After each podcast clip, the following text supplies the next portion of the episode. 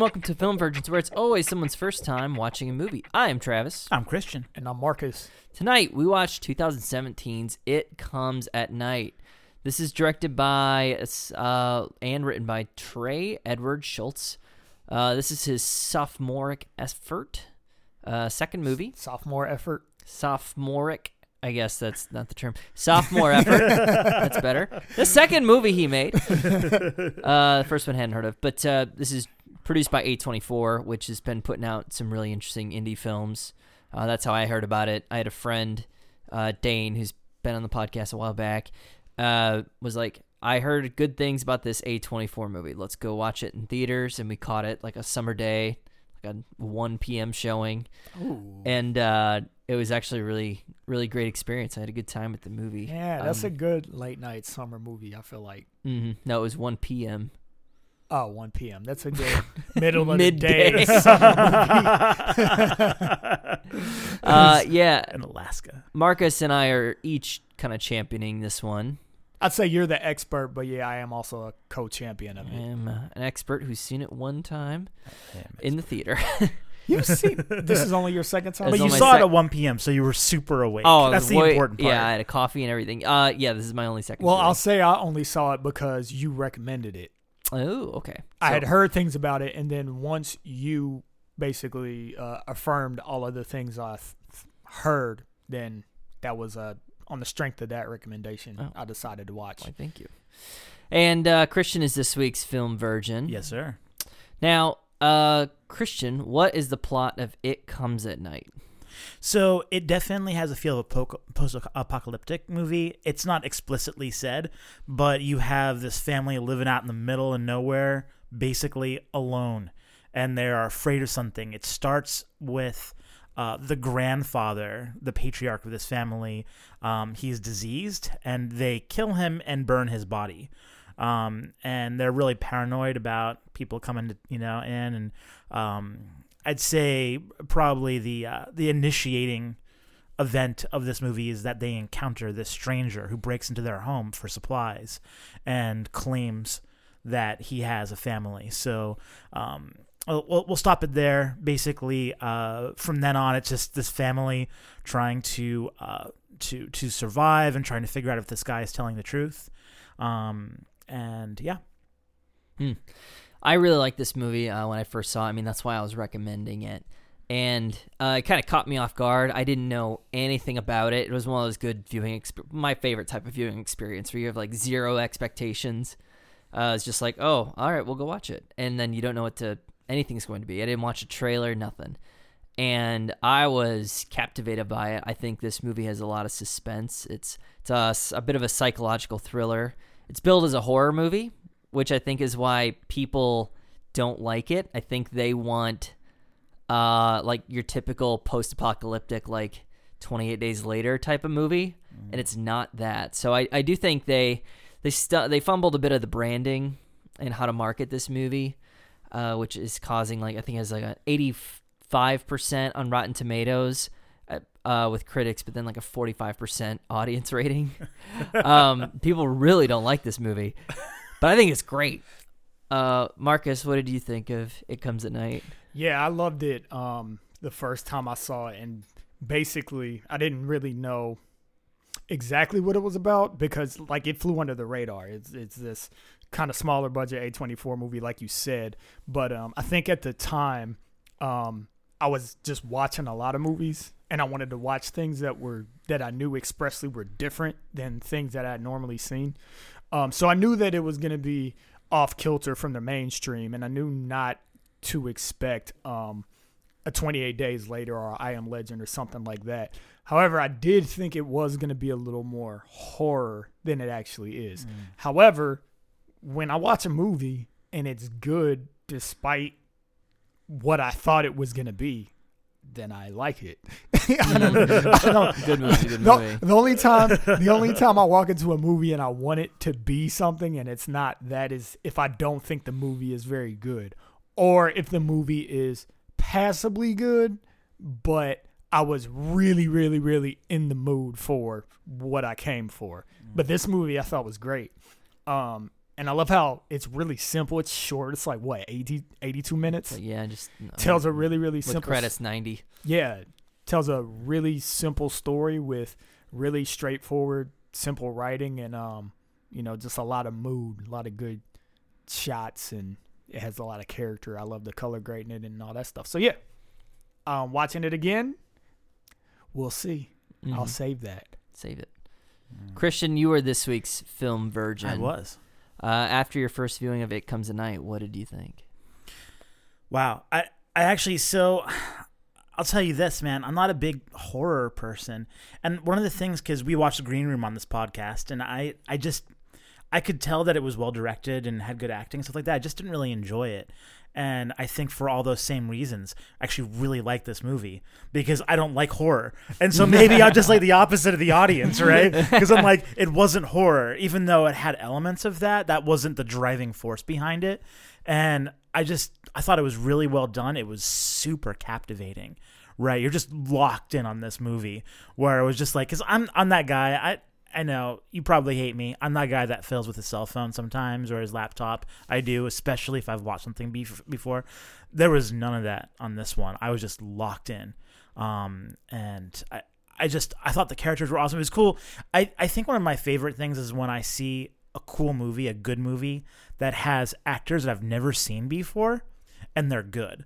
And Mhm. I think it's great because I don't have any baggage coming in with those actors, right? I'm not thinking about them as a particular archetype or a particular, you know, uh, they're not they're not typecast, right? And I love that because I get to explore their new character, you know. And I, there might have been some folks in this that have been in one or two things, been extras, but I, I didn't think of any of the actors or actresses in this as having been in anything else. Well, Joel Edgerton is kind of the patriarch after the grandpa dies. Uh, he is kind of the lead ish, and uh, he was in Star Wars: Attack of the Clones. Oh, yeah, that one is. Hold some up, movie who that- is he in Yeah. He's uh, Uncle Owen of Uncle Owen and Aunt Beru in Episode Two: Attack of the Clones. I don't remember. That's that the only reason I know who shit. Joel Wow. Edgerton is. I don't know why he started to come. His uh, he's kind of a rising star in terms of like being a good character actor, and uh, but all I everyone anyone time anyone says his name, they just talk about episode two.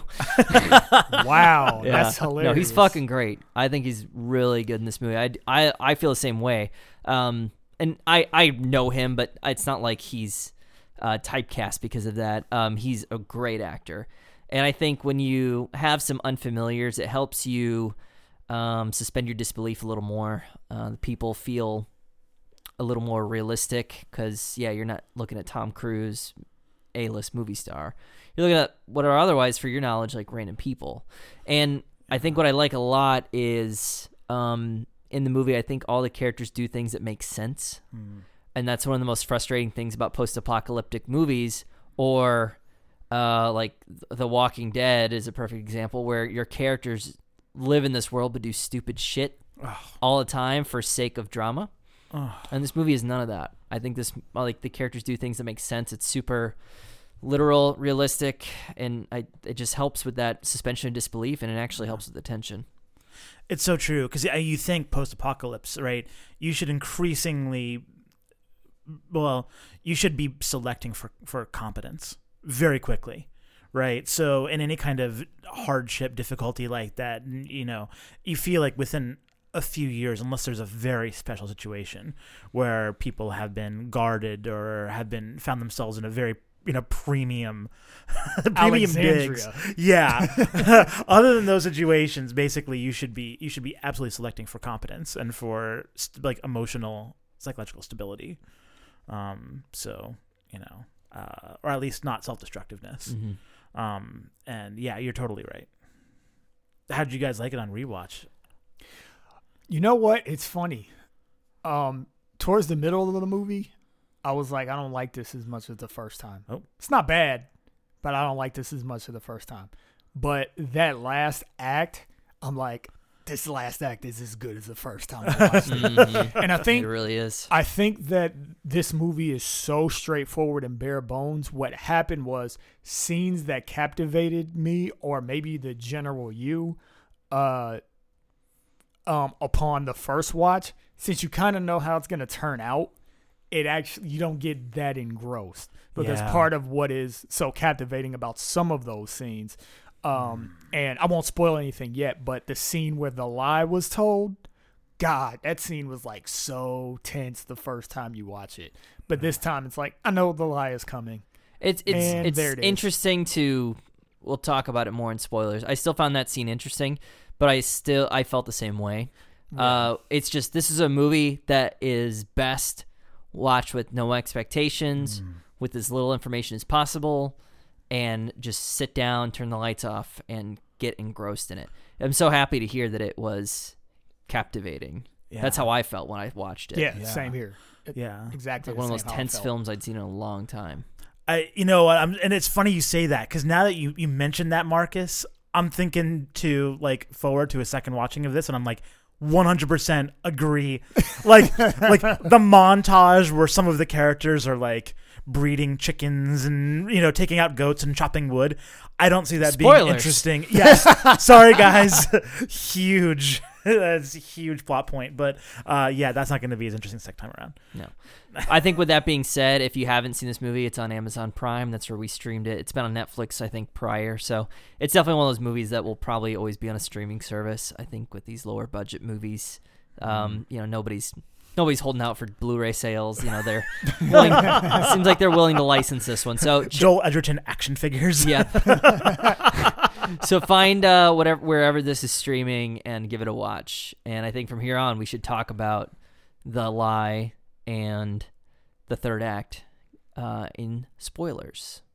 Now, okay, the lie is interesting because was it a lie? And I think that's what's Right. great about this movie is there's there's enough ambiguity that on a second watch you can kind of look for those little things and you can still ponder them and look at them from a little different angle.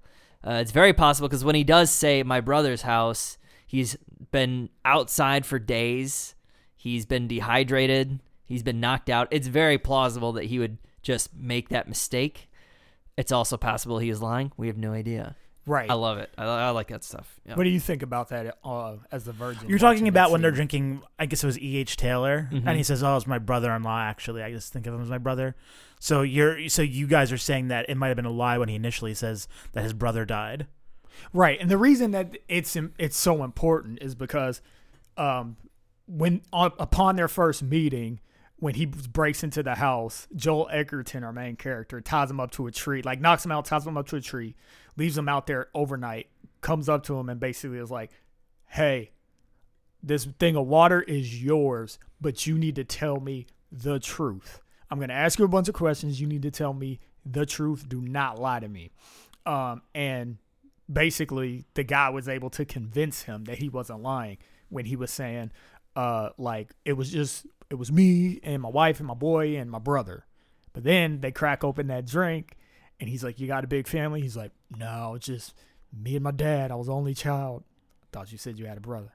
Well that's my brother-in-law. He's kind of like a brother to me.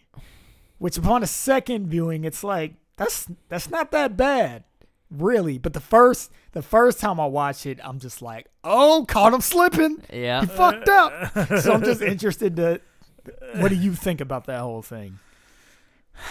I, you know, I I didn't really make much of it. I definitely I definitely thought about it a little bit, but I yeah, it's really hard to say because I feel like the fact that I don't know, it puts a lot of fears to rest when they actually find because the first claims like, oh, I have a wife and kid, right? I got a family, right? The moment that they actually find that family at the place where they said, like it's like wow well it was close enough for jazz like that's uh, pretty darn close and uh, you're right i mean it, i guess it makes a difference but there's a lot of unknowns right Mhm. so like what exactly happened with the kid and the door Who opened the door? yeah yeah well? Somebody was out there.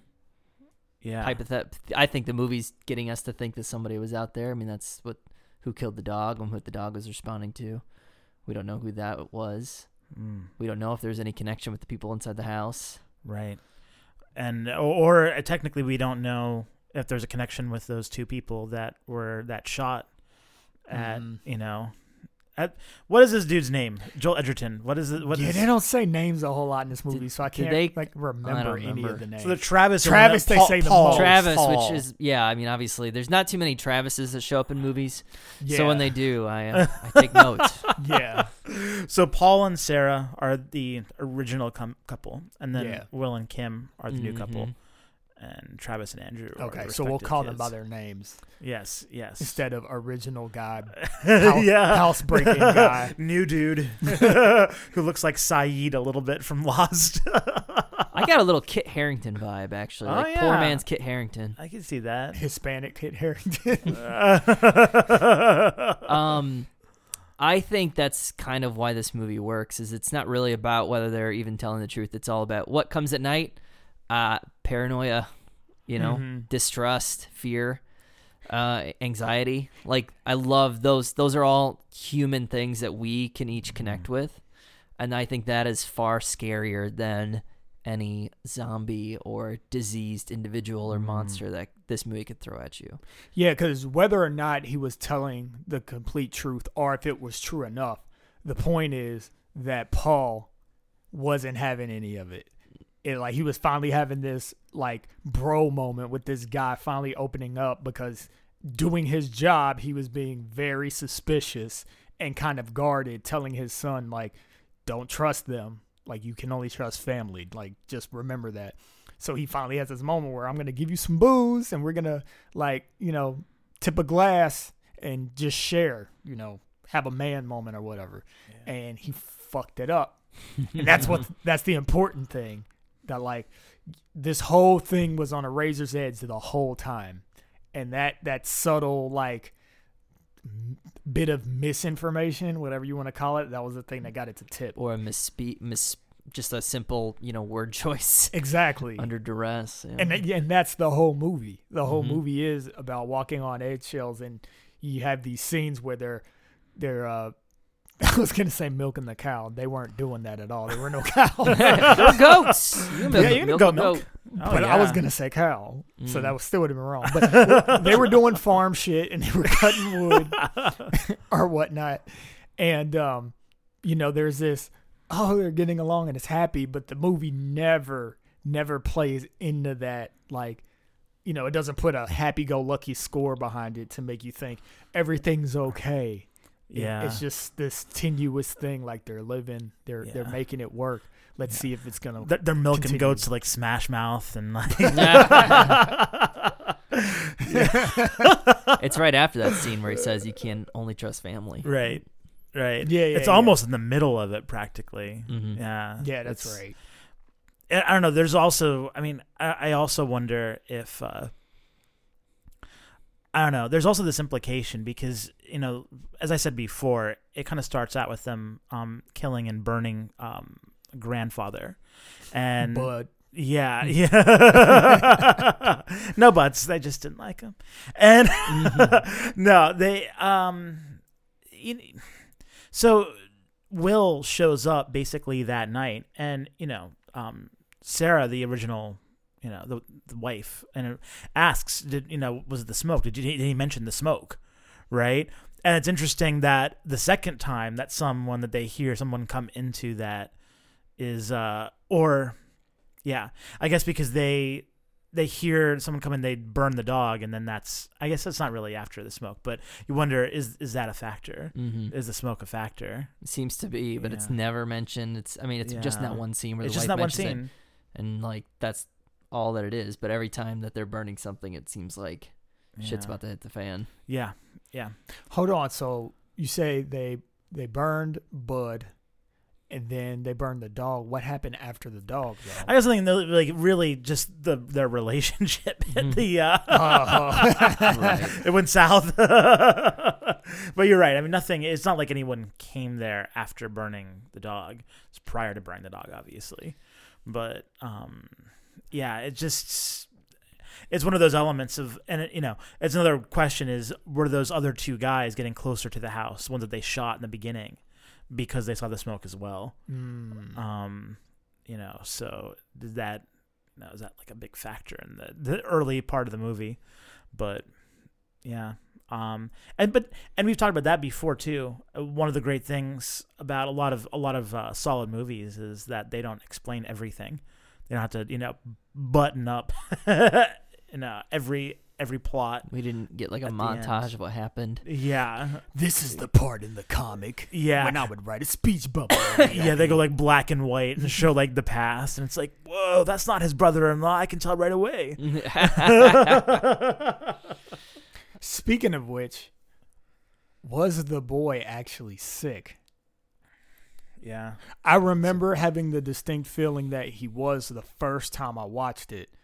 But this time around, I was trying to actually see if you got a good shot of him, They- and you never do. they intentionally have him hidden behind his mother the entire time, which could be once again plausible that he was having a meltdown. The family's arguing, like there's clear tension everywhere. It's very probable that like a five year old would be having a meltdown in that situation, hmm. or he's sick. We don't know. right.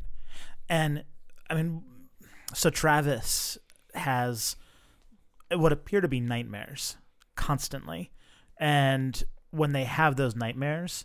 Um, we as the viewers never really see it's again it's not like black and white or blurry or has like you know wind, wind chimes going in the background so you can tell. There's absolutely no indicator that he's having a nightmare that he's experiencing non-reality right?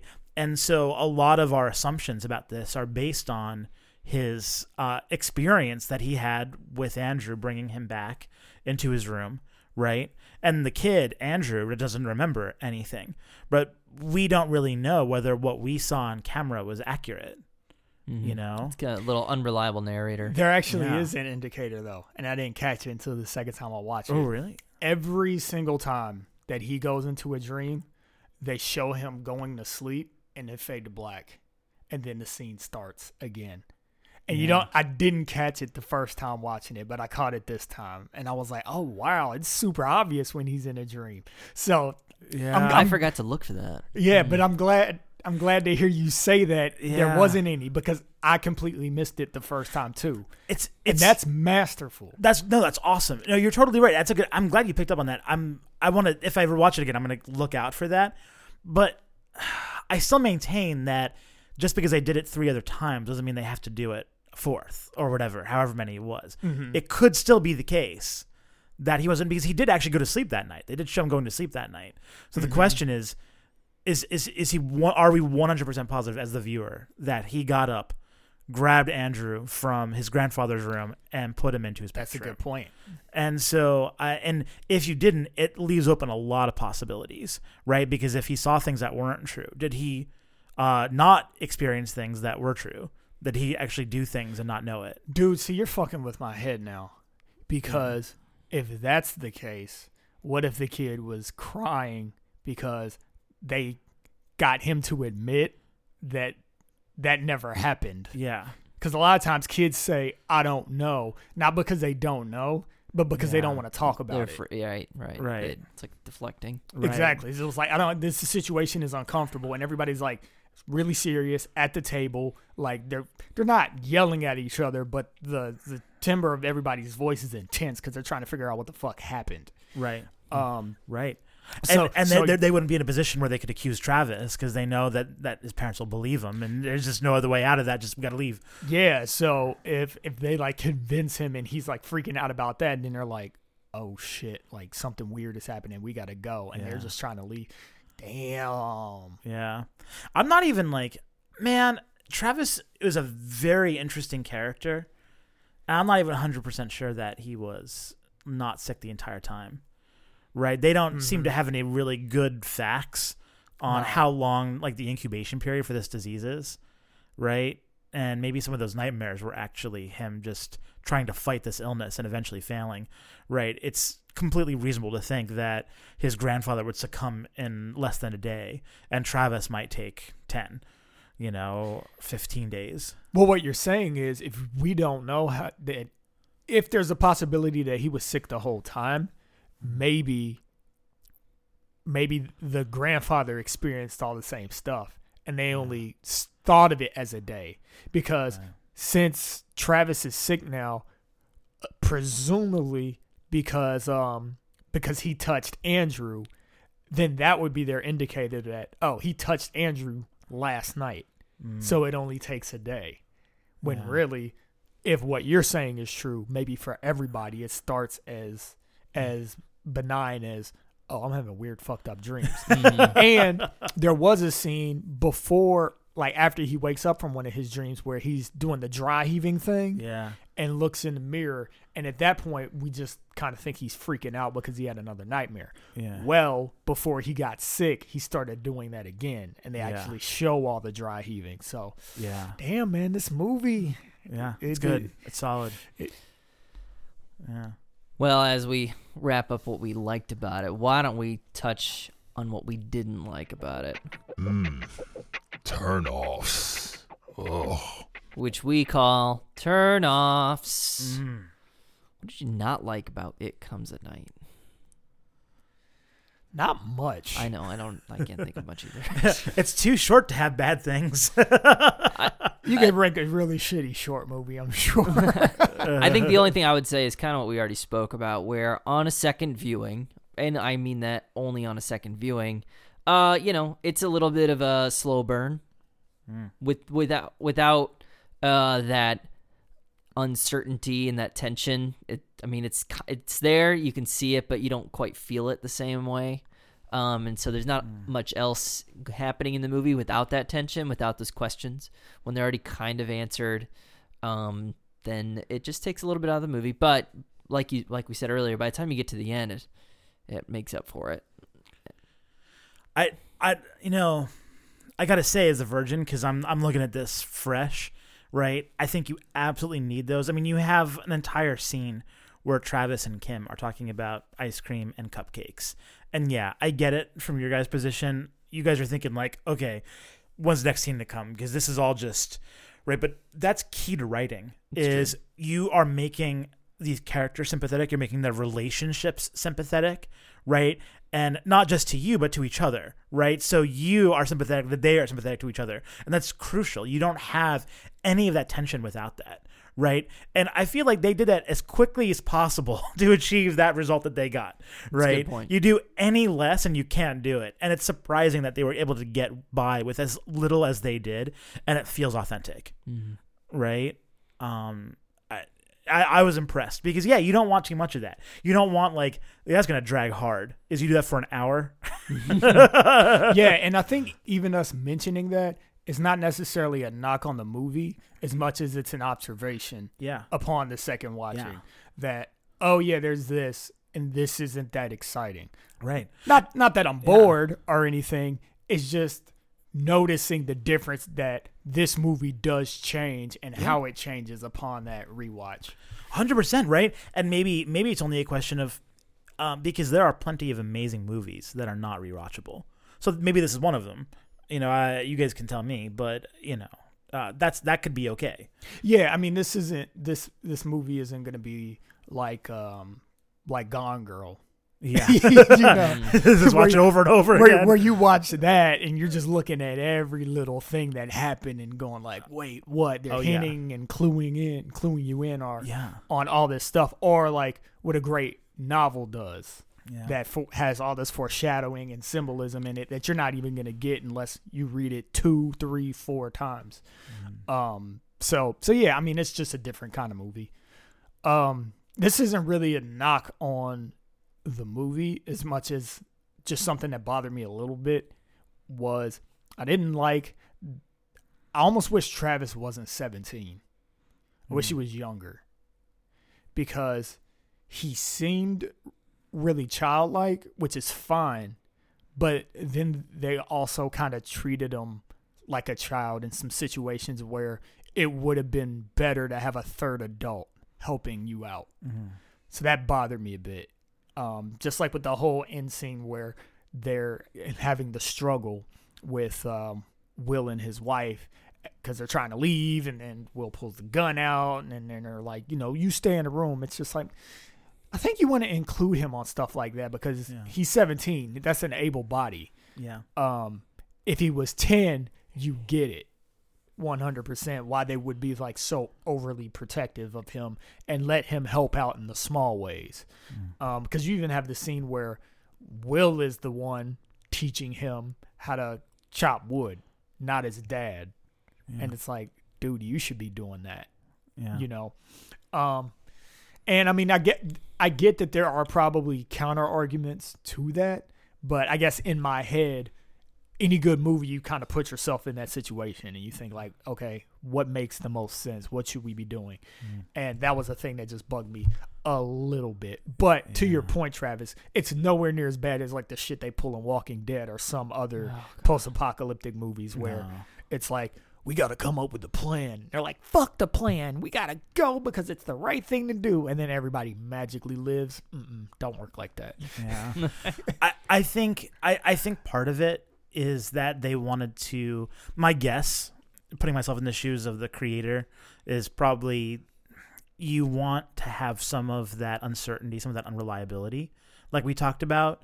Um, but simultaneously, you do want some of those richer components of the character, like some of the sexual stuff, and that's really awkward any younger. I mean, it's almost awkward as it is.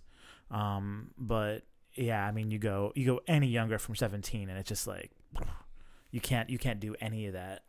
Yeah, it's true, but that wasn't even included in the movie that much. It wasn't. It was only. I mean, it, it was. It was. There's one scene, but it wasn't just one scene because you see him kind of staring at Kim in a few places, Yeah, and That's true. So it's an ongoing thing, right? There's only one time where it actually gets to a full blown.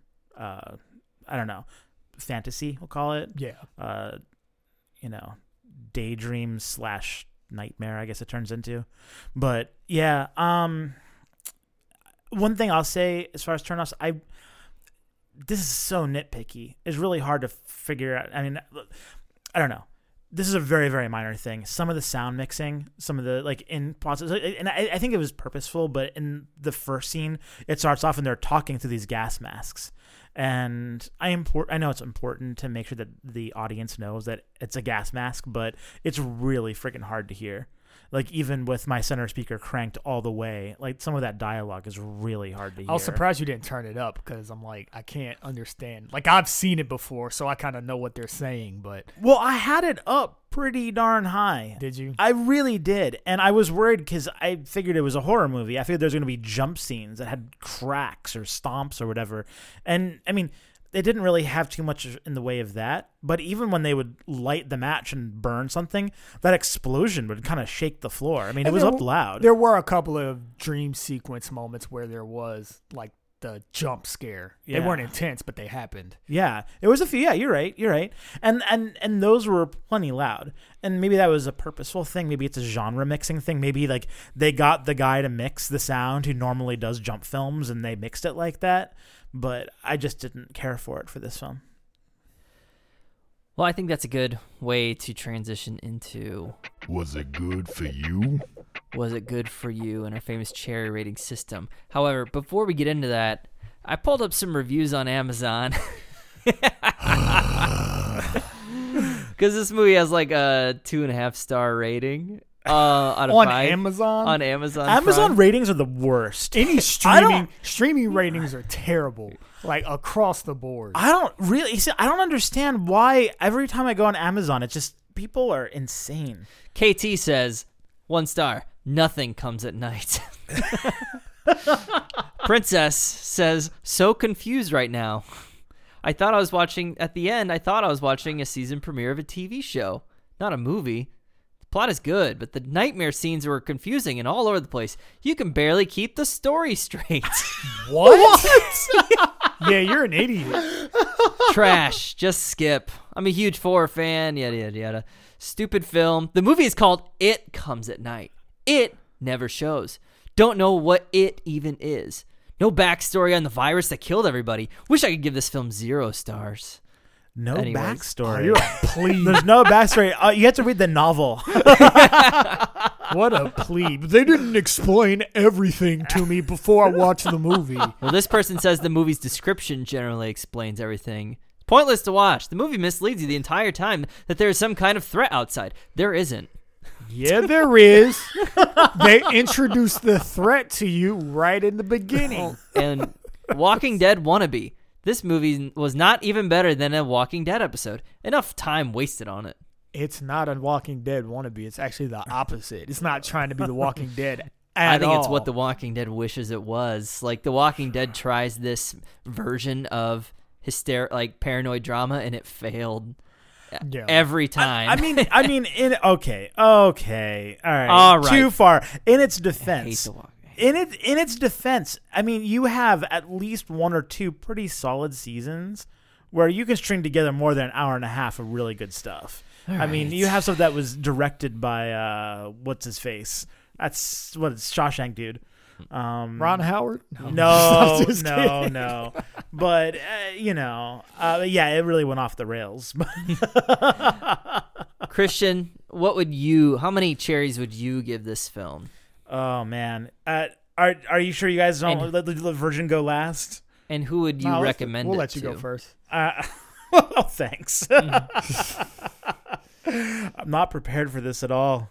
Um, man, I I really like this. I really like this. I, I think I'm gonna have to give this um a six, which is that just sounds so bad. I really like this six. you know what? No, it's really good. That's a very high rating. It's a very high rating. The, the things that I gave a seven to are like John Wick 2 and Blade Runner 2049. I don't like this more than those, or even as much. I gave Split a seven. I love Split. Um, this Fair enough. This is a solid movie. I, it I gave a six to Chronicle, and I like this as much as Chronicle.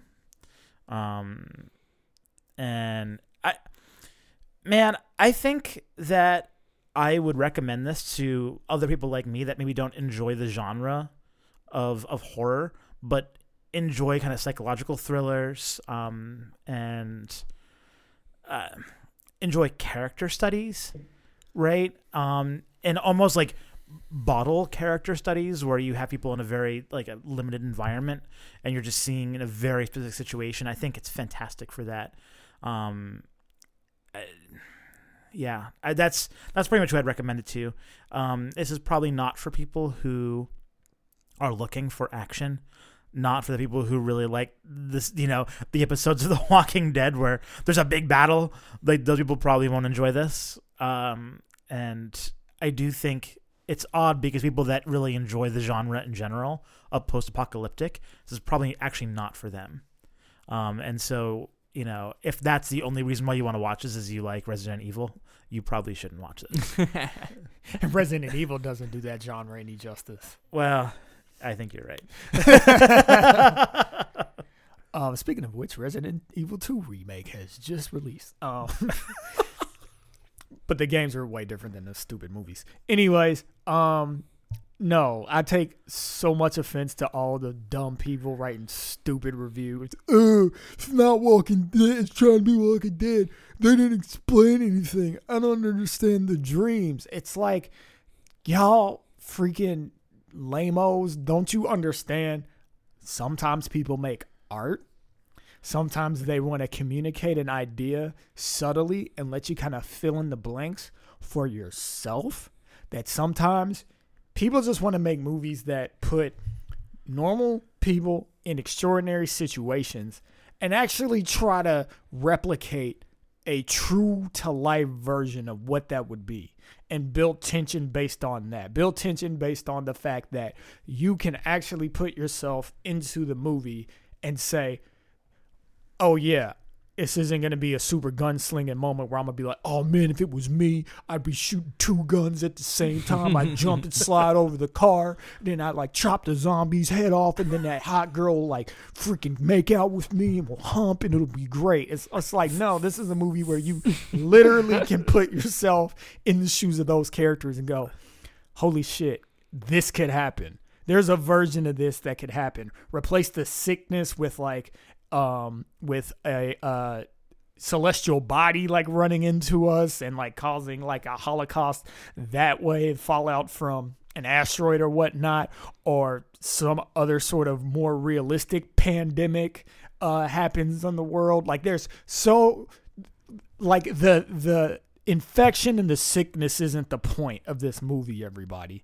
The point of the movie is to take that setting and look at the like look at a group a small group of people and see how they would survive and how they deal with the interactions of other people while balancing that how much do you trust and how much do you protect you and yours?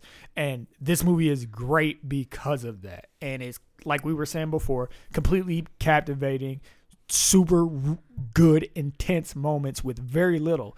And folks that's hard to do take it from me. I don't make movies but i watch them and i assume that it's hard. So so when you have a scene with two actors that aren't saying much and i'm completely engrossed mm. because i care about how these characters are gonna what they're gonna do in the next three seconds it means it's a good movie. So all that being said i echo Christian sentiments. If you're the typical like, oh yeah, I'm a zombie buff, or like I love infection movies and post-apocalyptic standard fare, yeah, don't do yourself a favor. Don't watch this. This is this is better than you.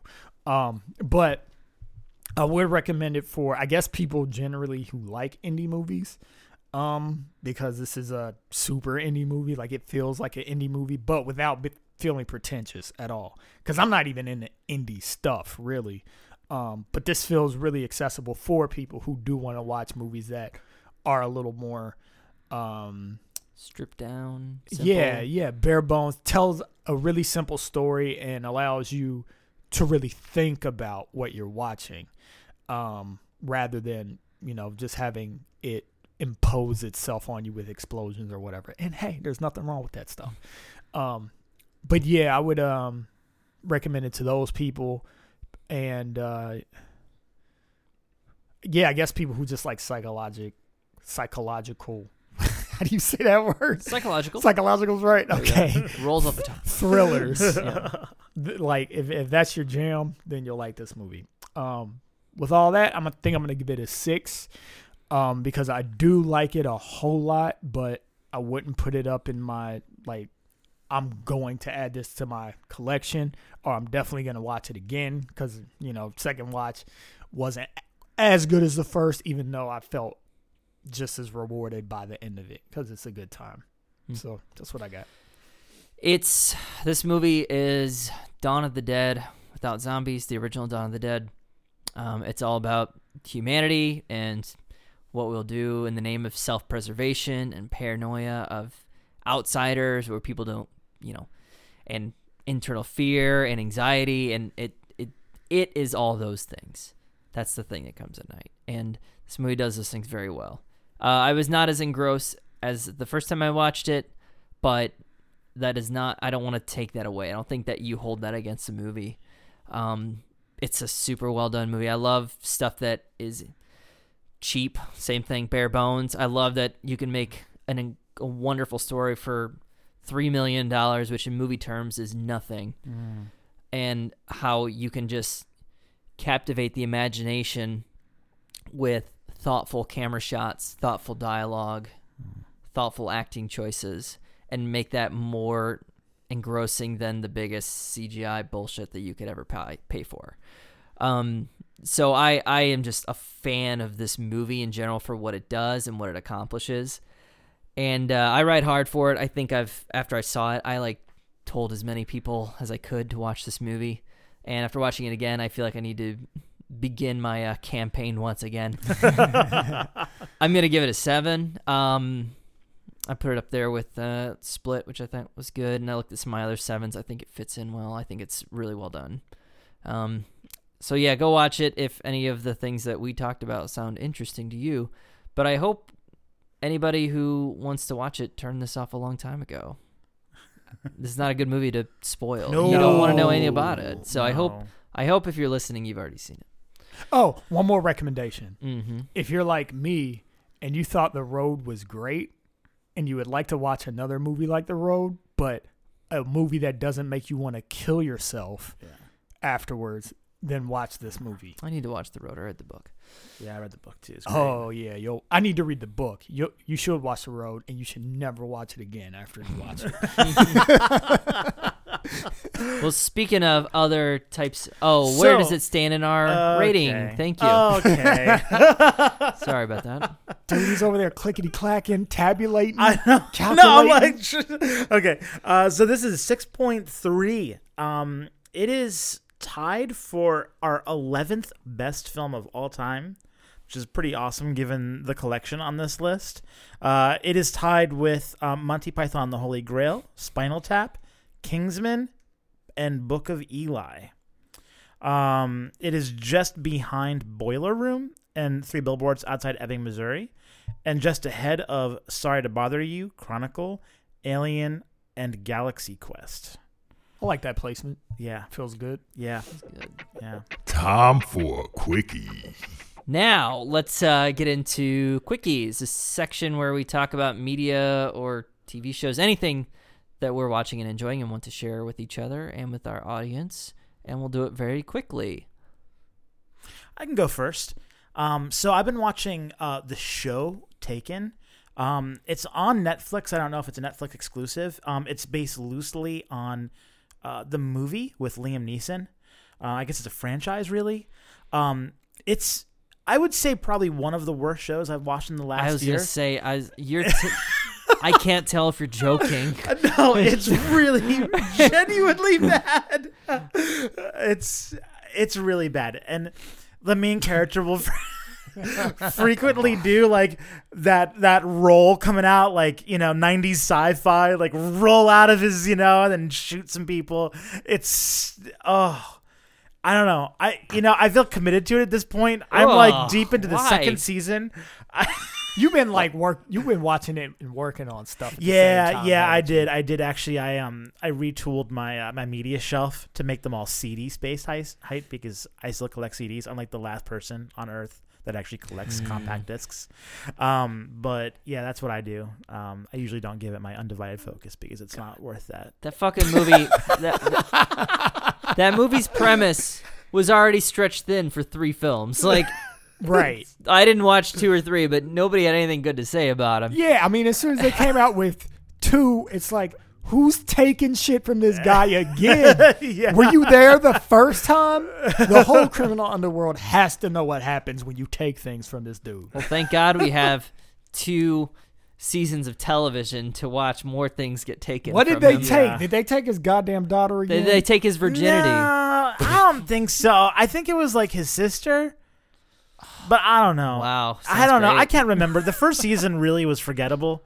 The second season I've already forgotten. I just started just the first episode like literally Maybe he this like week. untakes peop- other people's taken stuff. It's like a Yeah. like a bounty hunter kind of. Yeah, he's like he's a good bounty hunter. he, he saves other daughters of. Is uh, he a Liam Neeson like? no he's, Doppelganger? No, he's a lot younger, and he works with Adam Goldberg, who's a hacker Ooh, for a secret organization that sounds great. that does good. It's really, it's just That just, sounds terrible. it's absurd. I don't know why secret organization that does good is super uninteresting on No. paper to me. No. They always have to be evil. If you like are doing good in your secret, I'm like, fuck you. That was my whole point with the Kingsman, but you guys didn't listen. I guess they are kind of. Well, I mean, are they secret or I- I are don't their know. ops just covert? Whatever. Show sounds horrible. You didn't even watch the show and you're super pissed. I am so angry. All right, quickie over. You guys Yeah. go. Uh, I'll I'll go next. I watched uh, First Man, directed by Damien Chazelle, who did Whiplash and La La Land, which I watch didn't that. see. Is it Um, good? I really liked it. Good. Uh, and people did like it. Like I got an 88% Rotten Tomatoes. Critics liked it. It didn't. It seems like a movie that maybe should have been like Oscar bait. And I mean, I'm sure it's what they were going for. I got a bunch of technical award nominations, but uh, didn't get Best Picture or anything. I thought it was really good. It's, um, it's an excellent story. Watch it, and Gosling's good. Uh, yeah. I know. I, liked it. Go. Well, you should watch it if you like space shit, which I do, like real space shit, NASA stuff. Then, uh, then you watch First Man. Huh, you might have to make us watch that. Um, yeah, I'm not doing anything new right now, cause I already talked about the Haunting of Hill House, which I have one more episode of, and I've been voraciously reading Fire and Blood, which I have like 50 more pages of. So I'm gonna finish that up soon. So I guess I'm just gonna go back after I'm done with the show and the book. Probably start reading um, a manga series that I like very much called My Hero Academia. Um, it's your standard what they call shonen anime, and shonen anime is anime that is um, in Japan targeted at people way younger than me, but I watch it anyway. 12 to 18 is the demographic, and usually it's about some kids who have powers and they have to like train and get stronger and fight progressively harder and harder enemies. And this manga actually, um, I was so interested in it, a because of its art, and b because of the premise and how it was executed that it actually got me into a mode where I broke my promise of not watching or reading any more shonen stuff. And then I started reading this because mm. like the art attracted me and then the story was actually so good because the main character, he isn't just a lot of shonen main characters, they're just strong for some special reason and then they beat people that they should not be able to beat just because of the power of friendship and feelings and it makes me mad. But this compelling. this show this show is about a um a kid who or I should say this manga is about a kid who uh grew up in a world where 80% of the population has superpowers. Well, he's part of the 20% who don't. Yet he wants to be a hero really really badly. and so much so that his he puts himself in danger because of his heroic spirit and then other heroes are like, oh my gosh, like we were we were ready to like give up on this whole circumstance because it like the the challenge was too rough, but this kid went ahead anyway. So this guy ends up giving him powers, and now he has to learn how to use them. And the only reason he ever wins is because he's such a hero geek that he's super strategic minded all of the time. So it's like he's an interesting character because you see him grow in a way that actually makes sense and it's it's like no bullshit. Like he doesn't just hmm. use his power without cost. Like he has to learn how to harness what he has now. So it's super fun, and I like it, and I'll be reading that again after I finish the other stuff. Yeah, I'm. You might need to throw that my way. Sounds interesting. Okay. You know, do you think I would be interested? it? I don't know. I like I'm not- all I've read. The only manga I've done is All You Need Is Kill. So Yeah, I I don't know. What I need to do is I don't have volumes one through six, but I'll buy them and then I'll let you borrow them yeah, because I've been meaning to get them anyway. So now this gives me an excuse What to buy them. what good things we do for each other. That's what this podcast is all about. Sharing wonderful media with one another. Hey, that is the end of our episode. And I think you should check out our Instagram page at Film Virgins Cast, and you should check out our episodes that drop about once a week. I have been Travis. I've been Christian. And I've been Marcus. Come back next time for more sexy movie talk. Thanks for listening. Subscribe and look for our next episode next week. Yeah.